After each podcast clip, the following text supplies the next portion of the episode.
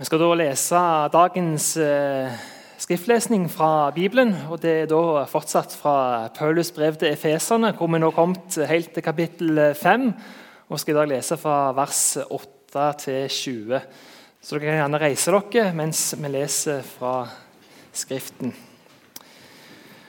Må du Gud åpne våre hjerter og sinn og dører for det du vil si oss gjennom dette skrevne ordet og la det forbli til forvandling og lys for oss.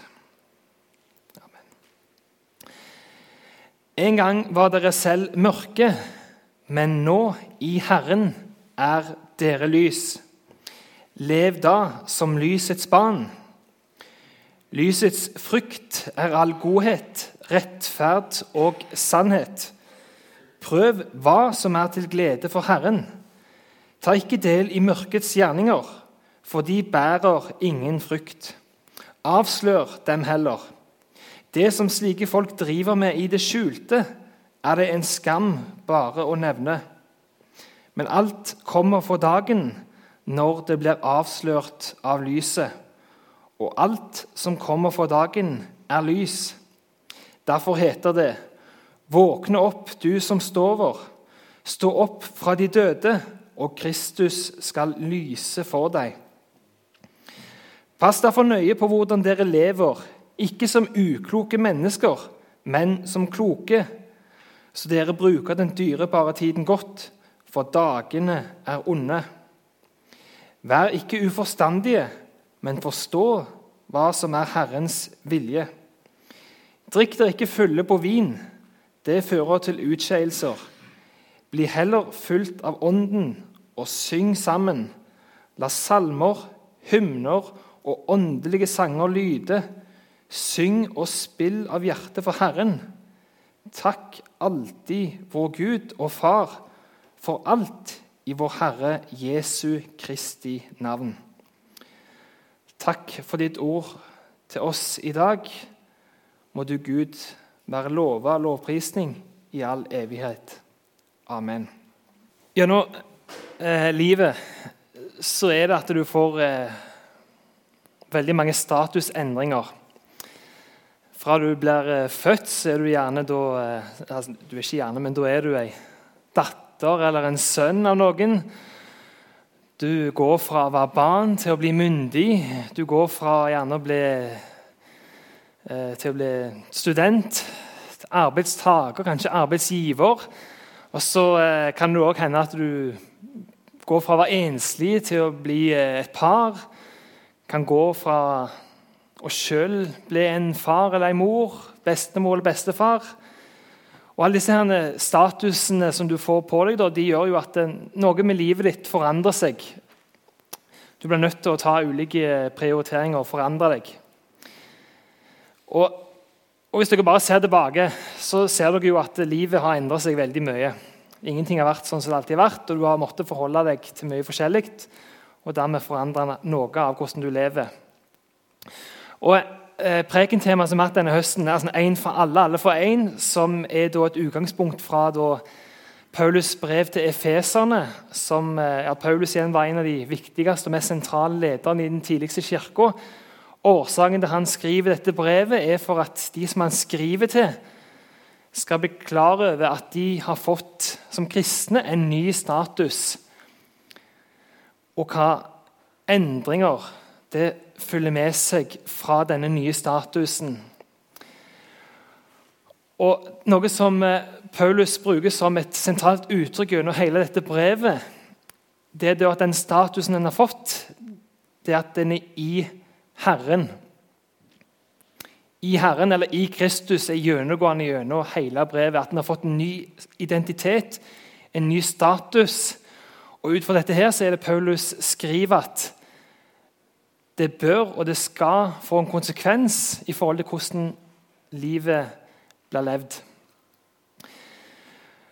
I Kristus så er det jo at en har fått Den hellige ånd, som er det som gjør selve denne endringen. Den hellige ånd er jo den tredje personen i Gud. Den som på mange måter er den vanskeligste å forstå.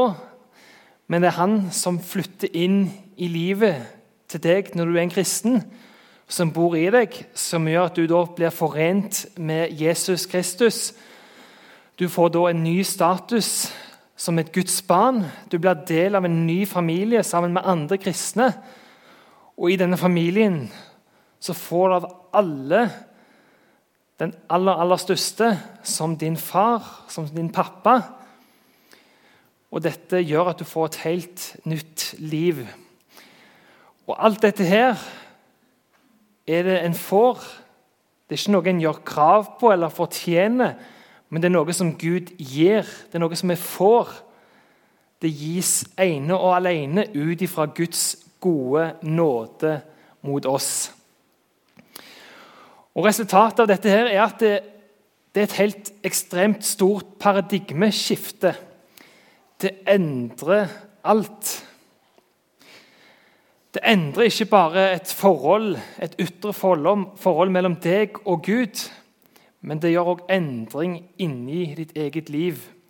Og så er det hvordan det gjør òg endring i forhold til andre mennesker en forholder seg til. Og Det er det som er tema for i dag en forandring vi kan tro på. Kan vi tro på det? Hvor stor forandring kan skje? Og hvordan kan det skje? er det noe av det som vi skal snakke om eh, i dag.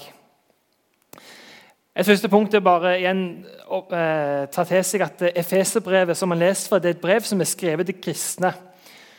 Så I det brevet er det flere sentrale eksempler på hva en bør gjøre og ikke bør gjøre. Så er det viktig å huske på at dette er skrevet til kristne. Ikke til de som ikke er i Kristus, men det er skrevet til de som er i Kristus. Så eh, Efeserbrevet er menighetsetikk, som eh, Torry Seland sa på en bibeltime her for noen uker siden. Og Paulus begynner med å beskrive den enorme forskjellen en har fått ved å være i Kristus. Og Som å bruke et uttrykk som vi bruker sjøl, altså det som natt og dag, er det Paulus beskriver det som. For Han skriver i innledningen av det vi har lest i dag, at en gang var dere selv mørke, men nå i Herren er dere lys. Lev da som lysets barn. Det er en enorm forskjell en gått over fra mørke til lys. Det er som natt og dag. Og Dette med mørke og lys er et sånt gjennomgående tema gjennom hele bibelhistorien. Hvis du leser den aller første boka i Bibelen, så begynner den med at alt er mørkt før Gud begynner å skape. Og Så står det i den aller første boka at jorden var øde og tom, og mørket lå over dypet, og Guds ånd svevde over vannet. Da sa Gud, 'Det skal bli lys.' Og det ble lys. Gud så at lyset var godt, og Gud skilte lyset fra mørket. Fra dette her og fra hele bibelhistorien er en gjennomgående tanke at mørket det er ikke noe eget i seg sjøl, men mørket det er et fravær av Gud. Mørket er et fravær av Gud. Og Det er også derfor Johannes, som var en av Jesus sine tolv disipler, skriver i et brev som han har skrevet, at Gud er lys. Det finnes ikke mørke i Han. Gud er lys. Mørket det er et fravær av Gud. Og Fra dette her så er det Paulus igjen oppfordrer til at det må få konsekvens for hvordan en lever livet sitt. Hvis en selv levde livet sitt i et mørke, så må en nå leve det i et lys. Og Derfor skriver han 'lev da som lysets barn'. Og Det er òg en tanke som Jesus sjøl beskriver når han i en tale som vi kaller for eh, bergpreken, fordi han holdt eh, talen da mest sannsynlig på et berg, så sier han til de som fulgte han, som hørte på han, og som ville leve for han, at dere er verdens lys. Fordi at de fulgte Jesus, de hadde tatt imot Jesus, så skulle det reflektere Guds, det Guds lys skulle reflektere i eget liv. Og Så er det da problemstillingen eh, hvor, Hvordan skal det skje? Jeg sa jo tidligere at alt dette vi blir gitt, identiteten i Jesus, det er jo noe som Gud gir oss. Det er ikke noe som vi får. Men da med denne forandringen i forhold til hvordan vi lever Er det jeg sjøl som skal få dette til? Skal jeg sjøl ta meg i nakken? Skal jeg sjøl greie å leve sånn som Gud vil jeg skal leve? Eller er det òg noe der som det er Gud sjøl som er årsaken til at det skjer en forandring? For å bruke et sånn kjent uttrykk så er det liksom både òg. Det grunnleggende er at utgangspunktet for en forandring som kan skje i livene våre, det er at det starter med Gud. For Som Paulus skriver i et annet brev til filipperne, så skriver han at for det er Gud som er virksom i dere, så dere både vil og gjør det som er etter Guds gode vilje. Det er Gud som skal starte forandring. Det er Gud som skal gjøre at det, blir, at det blir noe nytt, at det skjer noe. Det er Gud som gir oss nåde. Samtidig så er nåden ikke noe som gjør oss til passive mennesker, helt passive mennesker. For nåden gir oss et ansvar. Når Gud gir oss nåde, så har vi et ansvar for å ta imot denne nåden. Når Gud i sin nåde valgte å sende Jesus ned til oss for at vi skulle bli kjent med, Gud, for at vi skulle se hvem han er, for at vi skulle få fellesskap med han, så hadde vi et ansvar for å ta imot Jesu tilbud om fellesskap. Og vi har òg et ansvar for å leve i denne nåden som er gitt fra Gud. Så er det hvordan det kan skje. Og Paulus peker på at når en lever nær lyset, så skaper det frukt. Akkurat som et godt tre som får god næring, så vil vi som kristne, hvis vi lever nær lyset, lever nær Gud, bli påvirka av det, sånn at livene våre bærer frukt. Og frukten som Paulus beskriver, er godhet, rettferd og sannhet. Egenskaper i Gud sjøl. Gud er god, Gud er sann, og Gud er rettferdig. Og Det var òg det Jesus viste mennesker når han gikk rundt. Det var hvordan Gud var. For Jesus var sjøl god, rettferdig og sann. Og så er det da, Hvordan kan en vite hva som egentlig er da, godhet, rettferdig og sann? For Det er òg et spørsmål som jeg skal komme tilbake til. Men vi trenger som mennesker lys for å se. Det er, et, det er hovedpoenget med, med, lys. Så Derfor er det vi trenger lys, og derfor er det vi også trenger Jesus. Vi trenger lyset for å se. Vi trenger Jesus for å se Gud, og vi trenger Guds lys i verden for at mennesker skal kunne se hvem Gud er, og se hva som er godt, hva som er sant, og hva som er rettferdig. Så er det da, man kan tenke, Har vi nå kommet så langt i 2020 at vi mennesker har blitt så flinke og så kloke at vi ikke lenger egentlig trenger det. Siste ukers hendelser som dere har sikkert fått med dere fra bl.a. Frankrike, har vist at det fortsatt skjer grusomme og mørke hendelser i verden. Media behandler kanskje dette her som type enkelt, enkelthendelser, fordi at dette er noe som har skjedd i den vestlige verden. Men dette er bare én av veldig mange eksempler, hvor mange av de eksemplene ikke blir nevnt av media.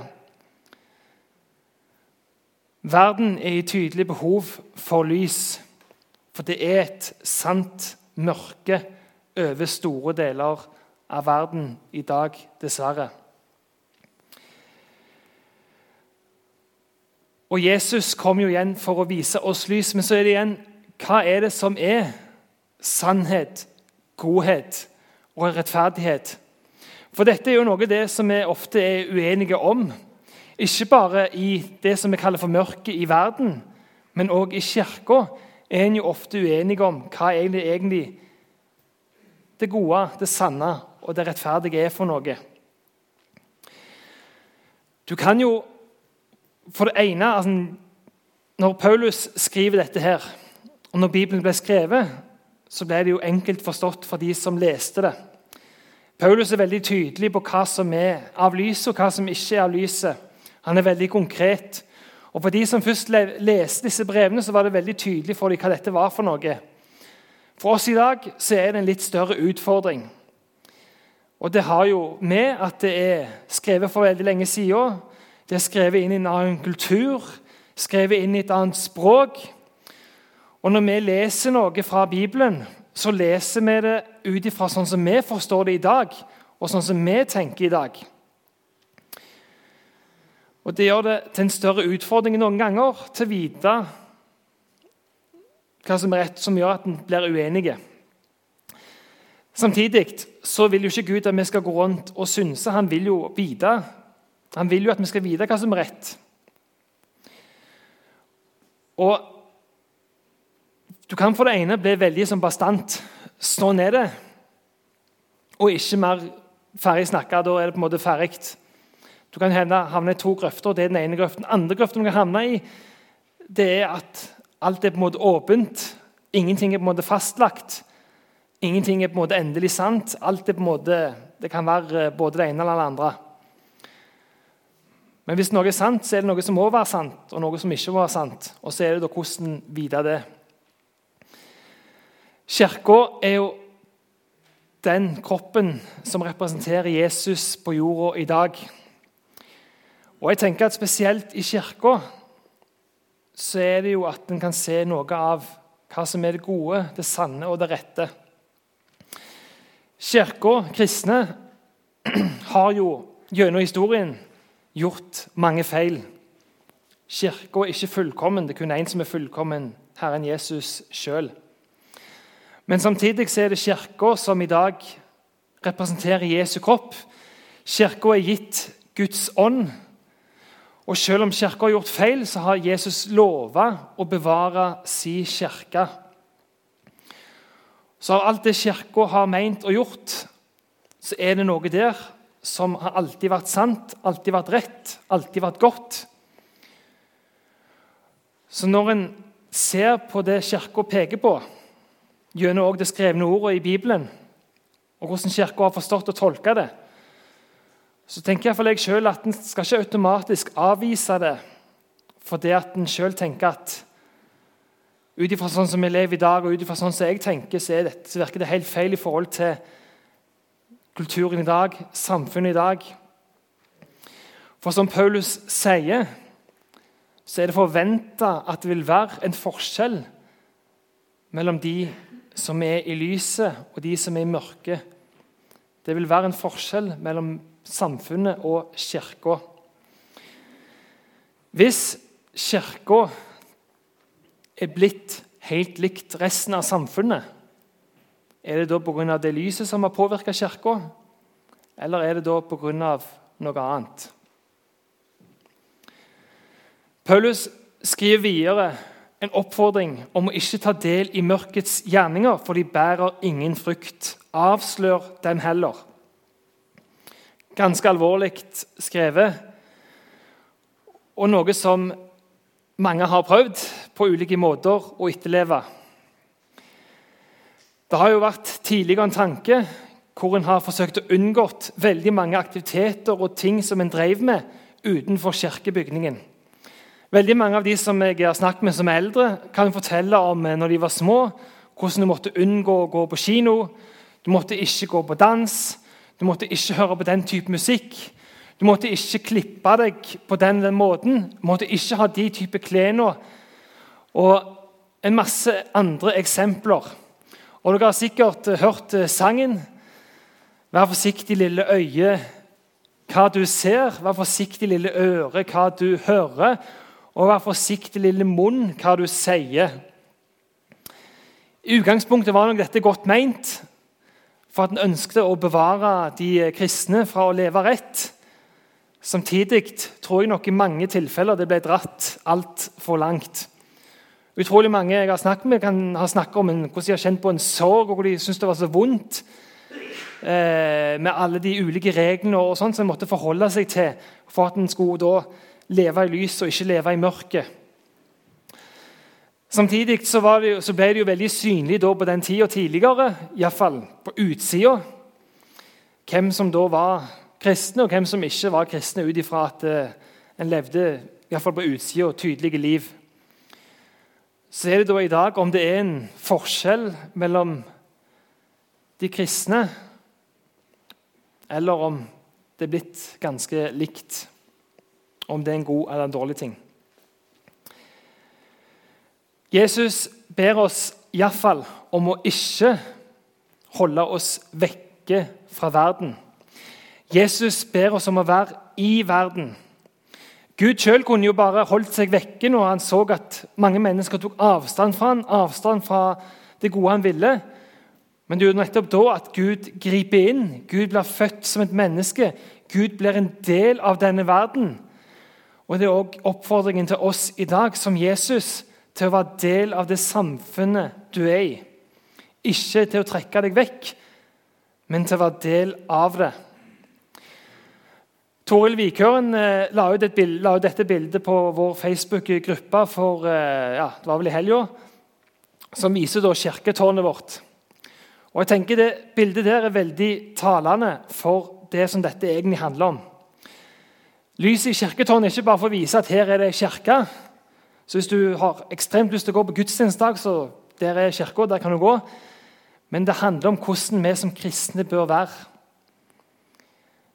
Med lyset og skinnet i mørket midt iblant der mennesker bor. Og det forutsetter Det gjør at vi trenger å ha lys sjøl for å kunne være lys for andre. For noen år siden var det lyset mye svakere i det tårnet der, fordi det var satt opp lys på en annen måte. og Så tok da Kirkeverket aksjon og, og ordna det sånn at det lyset så tydelig som det gjør nå i dag. Men det taler også om at vi sjøl trenger lys for å lyse til andre. Og så er det også sånn at når du blir synlig for andre, så kan jo da sånn sett noen føle det som en utfordring. For det at et lys eksponerer seg sjøl, viser seg synlig for andre, vise at her er noe annet enn resten av det som jeg omgir meg med. Jeg hadde en uh, samtale med, med dattera mi. for det, Hun opplevde jo veldig fort eh, fra hun begynte på skolen, at uh, det at alle går rundt og tror på Jesus og går i kirka, det var ikke en selvfølge. Det var bare noen få. Så når jeg spurte hvor mange, tror, hvor mange andre tror tror på Jesus, og sa tror det er ei annen av de eh, nesten 30 de er da. Og Hun har jo merka at eh, når eh, hun har vært på besøk hos andre, så har de gjerne ikke sunget for maten. Og når hun har vært på overnatting, så har hun merka at de ikke ber aftenbønn der hun har vært på besøk. Og så har det vært at Når vi har hatt folk på besøk, så har vi gjort dette her med bedt for maten og, og sunget aftenbønn og bedt før en legger seg, òg med folk på besøk. Det syns hun var litt sånn flaut eh, noen ganger. For det var så annerledes i forhold til de som hun hadde besøkt. Og så snakket vi med henne om hvorfor det. At alle lever ikke likt. Og at vi tror på noe annet. Altså, Vi tror på Jesus, de andre gjør nok ikke det. Og det gjør at vi lever livet vårt på en annen måte. Altså, Vi takker dagen, takker for det vi har. Jesus. For at vi har mat. Vi takker for eh, dagen som har vært. Og vi forsøker å bli kjent med Jesus. Og så sa jeg jo at hvis vi som kristne slutter å, å praktisere dette livet altså, Jeg sa ikke på den måten, da. Det høres jo veldig voksent ut. Så vil jo ikke andre få en mulighet til å se dette lyset som vi bærer på. Selv om det kan oppleves litt sånn flaut, litt sånn utsatt. For det er så annerledes enn det andre, andre gjør. Men hvis vi slutter, slutter med det, hvordan skal noen få se dette lyset som vi bærer på? Lyset må derfor være til stede for å kunne lyse. Hvis ikke, så blir det ikke synlig. Og vi som kirke trenger egentlig ta oss noen ganger litt sammen på det. Vi må ikke finne på å gjemme oss inne i kirka vi må være ute blant folk. Vi har jo sagt at Oppdraget for denne menigheten skal være en relasjonsbyggende menighet med Jesus i hjertet. Og Da handler det om at vi må også som en menighet legge til rette for at en kan faktisk skape relasjoner med andre mennesker utenfor de som går inni her. Vi må ikke være for travle med å ha for mye aktiviteter inne i kirka. Kanskje bør vi heller se at en dag i uka så er det at dette er på en måte en kirkedag. Men da er det en kirkedag hvor du ikke skal gå i kirka. Du skal ikke gå inn i, inn i en bygning på noen aktivitet. Men du skal heller bruke dagen til å knytte kontakt, til å knytte relasjoner med noen som du tenker de ønsker jeg skal bli kjent med Jesus. Hvis vi har altfor mye ting som vi går på, hvis hele kristenlivet vårt handler om å gå på, gå på aktiviteter i kirka eller andre ting, da greier vi ikke lyse for de andre som ikke i dag kjenner Jesus. Et siste punkt er at lyset kan òg oppleves litt vondt for mange. For de som er glad i å vaske huset, så kan det være litt sånn Der viste sola sterkt, iallfall nå på vinteren, at det, hvor skjedde egentlig det vinduet mitt var. Og hvor, og hvor jeg ikke har vaska, og hvor det ikke ble gjort rent. Og Sånn er det òg i forhold til Gud. Og sånt er det òg vi har behov for som kristne. Hvis vi ønsker at det skal skje en forandring i andre mennesker, så må det først skje en forandring i oss. Vi må være de som først søker Guds lys for å la Han skinne på oss, for å vise oss hva er det i mitt liv jeg trenger skal bli annerledes. Hva er det i mitt liv hvor det er mørkt? Hva er det i mitt liv som ikke er etter Guds godhet, etter Guds sannhet og etter Guds rettferdighet? Vi trenger å søke lyset, ikke for bare for påfyll, men for å bli fulgt av det, for å sjøl bli forandra. Vi trenger sjøl igjen og igjen å endre oss og forandre oss nærmere lyset. For ingenting Vi kan sjøl tenke at alt er greit med oss, at det er ingenting som er på en måte trengs å forandres. Men det som er med lyset, er at lyset kommer til å vise alt Lyset viser alt synlig. Alt blir avslørt av lyset. Alt kommer for dagen når det blir avslørt av lyset, skriver Paulus. Og Det er samtidig også det kristne paradokset. Det at vi skal representere den fullkomne Jesus, men vi er selv ikke fullkommen. Vi blir bedt om å leve på en viss måte, å leve i lyset. Samtidig er det alltid noe i oss som vil være preget av mørket vi kommer ikke til å være fullkomne i oss sjøl, men allikevel Jesus gjør oss fullkommen. Jesus er den som gjør oss fullkommen. Så Derfor skal du alltid tenke at din primære identitet, hvem du er, da må du se på Jesus.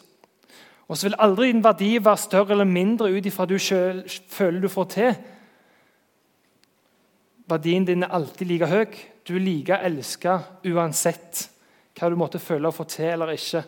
Og så vil Jesus vise hva du trenger å endre, og så vil han hjelpe deg. Og så vil han ta imot deg når du kjenner at 'dette fikk jeg ikke til'. For Jesus sier at 'jeg er verdens lys'. Den som følger meg, skal ikke vandre i lyset, men ha livets lys.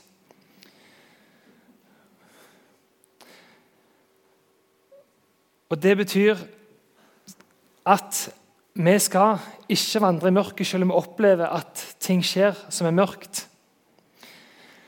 Selv om vi opplever at det er ting i vårt liv som kan oppleves mørkt, oppleves tungt, så er fortsatt Jesus et lys for oss. Den som følger meg, skal ikke vandre i mørket, men ha livets lys. Og det Når Paulus skriver i innledningen av Efeserbrevet 'lev i lyset', det kan også oversettes eh, fra gresk til 'vandre i lyset'. Begge de to ord kan brukes like godt om hverandre. Og så er det hvordan det kan skje. Hvordan kan en forandring skje? Og Det er igjen dette med å oppsøke Den hellige ånd, som vi sang i den andre sangen her. Spesielt la Den hellige ånd fylle deg. For vi kan som kristne ha veldig mye av Den hellige ånd i livene våre, eller veldig lite. Hellige ånd er dynamisk, han er ikke statisk. Så det gjelder å søke Hellig ånd for å bli fulgt av Den hellige ånd, til at det kan skje en forandring. Og Der er Paulus' oppfordring at bli heller fulgt av Ånden og syng sammen. La salmer, hymner og åndelige sanger lyde. Syng og spill av hjertet for Herren. Når vi synger og møtes til Guds tjeneste, så er det ikke for at vi skal synge sanger som vi liker. At vi skal ha en type ønskekonsert. Men det handler om å lovprise Herren, takke Herren. Åpne oss opp for Gud og Hans vilje, åpne oss opp for at Den hellige ånd kan fylle oss og så er det òg for at vi kan være med og bygge hverandre andre opp. Når vi synger sammen, så fyller oss opp sammen, både jeg sjøl og hverandre. Kanskje ikke jeg, da, for jeg synger så fælt.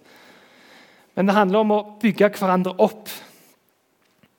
Metodistkirka har et, sånt et eh, motto som heter 'Åpne hjerter, åpne sinn og åpne dører'. Og Det er det vi trenger ha som kristne for at Den hellige ånd kan fylle oss, åpne hjerter, åpne sinn, åpne dører. For at Den hellige ånd kan fylle oss, for at Den hellige ånd kan forandre oss. Og for at Den hellige ånd kan hjelpe oss til å være lys i hverdagen. Gode Gud, takk for at du, Jesus, er verdens lys. Takk for at du ikke vil la oss gå i et mørke, men at du vil la oss ha ditt livets lys. Hjelp oss til å ta imot det du vil gi oss, både nå og ellers. Og hjelp oss til å være et lys for andre. Amen.